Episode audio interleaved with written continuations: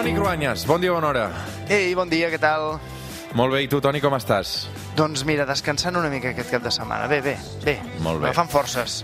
Ara sentíem el, el Jovany parlant de l'agenda del rei per aquesta setmana, setmana important per la monarquia espanyola perquè hi ha la celebració de la festa nacional. Home, sí, sempre n'havíem dit eh, dia de la hispanitat, eh? Els pares eh, també en deien abans el, el dia de la raza, per allò tan ranci de barrejar la identitat espanyola amb el mal anomenat descobriment d'Amèrica. Sí, la polèmica continua um, i, i, sempre torna cada any. A, aleshores, um, aquest any hi ha hagut una de polèmica a Madrid per una obra de teatre musical del, del teatre musical del Nacho Cano, l'exmembre de Mecano, que sona així.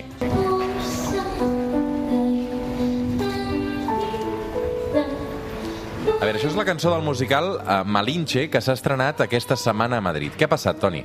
A veure, a part de que la cançó ja és dolentota, eh, i ha tingut crítiques musicals, això n'hi ha hagut, eh, però s'ha criticat sobretot la visió eurocèntrica i masclista de la història del descobriment d'Amèrica. És a dir, que estem igual que sempre, que no ens en sortim. Mira, nosaltres aprofitarem també, com sempre, per aprendre'n alguna cosa de tot plegat, perquè, mira, et proposo explicar qui era aquesta Malinche. Eh, alguns en deien Malinilli, Malinci, són noms, clar, ja veuràs que té eh, orígens asteques, orígens maies. Era un personatge molt popular en la historiografia espanyola més nacionalista i avui encara és molt coneguda a Mèxic. Per tant, ens situem al 1519, quan Hernán Cortés començava la conquesta de Mèxic.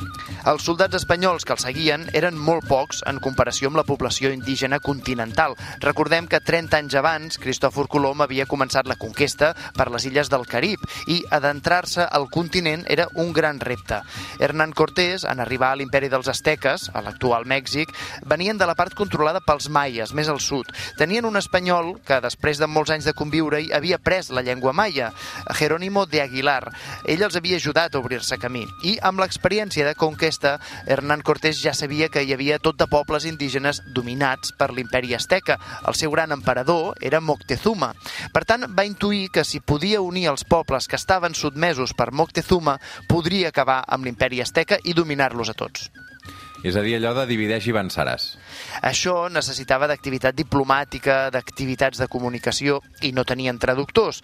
Però aquí apareix Malinche, una dona amb una història molt particular, però que sobretot és important perquè va exercir de traductora i mediadora per als interessos dels espanyols.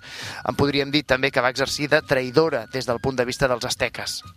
I, i d'on surt aquesta Malinche, Toni? Qui és? Quan Hernán Cortés es trobava a territori maia, després d'haver guanyat una primera batalla, com a senyal de bona voluntat, el governador maia li va enviar unes peces d'or, li va enviar menjar, mantes i 20 noies joves perquè Cortés i els seus soldats les utilitzessin com a cuineres o com a amants. De totes elles n'hi ha una que destaca per la seva bellesa i que Cortés se n'enamora, és Malinche.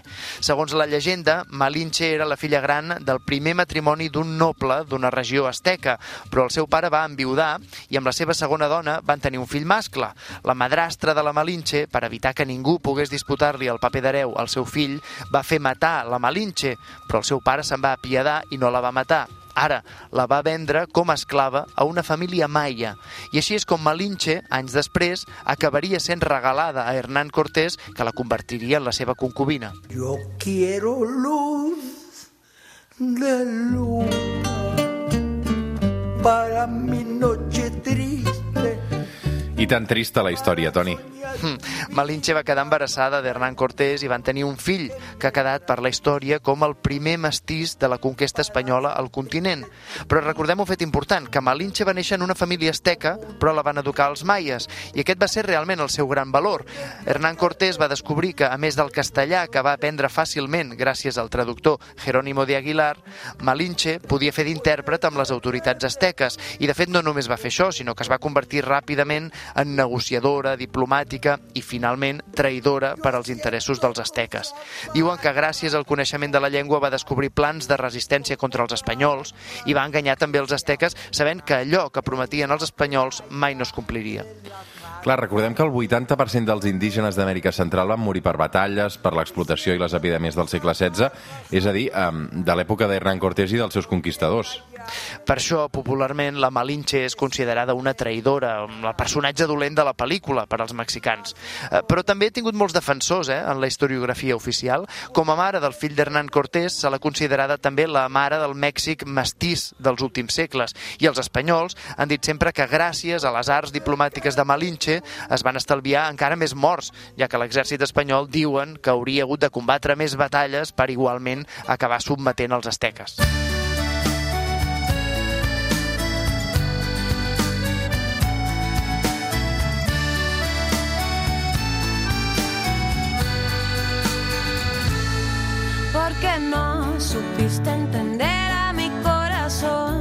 Aquesta és la cantant mexicana Julieta Venegas que diu No supiste entender mi corazón.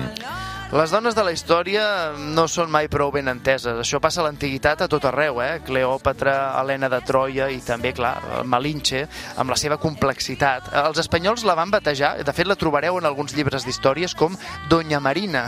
I pels mexicans és, és una bona excusa per explicar com van caure tan fàcilment a mans dels soldats espanyols. Acusar algú algú altre de traïdor sovint és més fàcil que assumir les pròpies febleses. Toni Cruanyes, moltes gràcies, un plaer, cuida't. Vinga, una abraçada.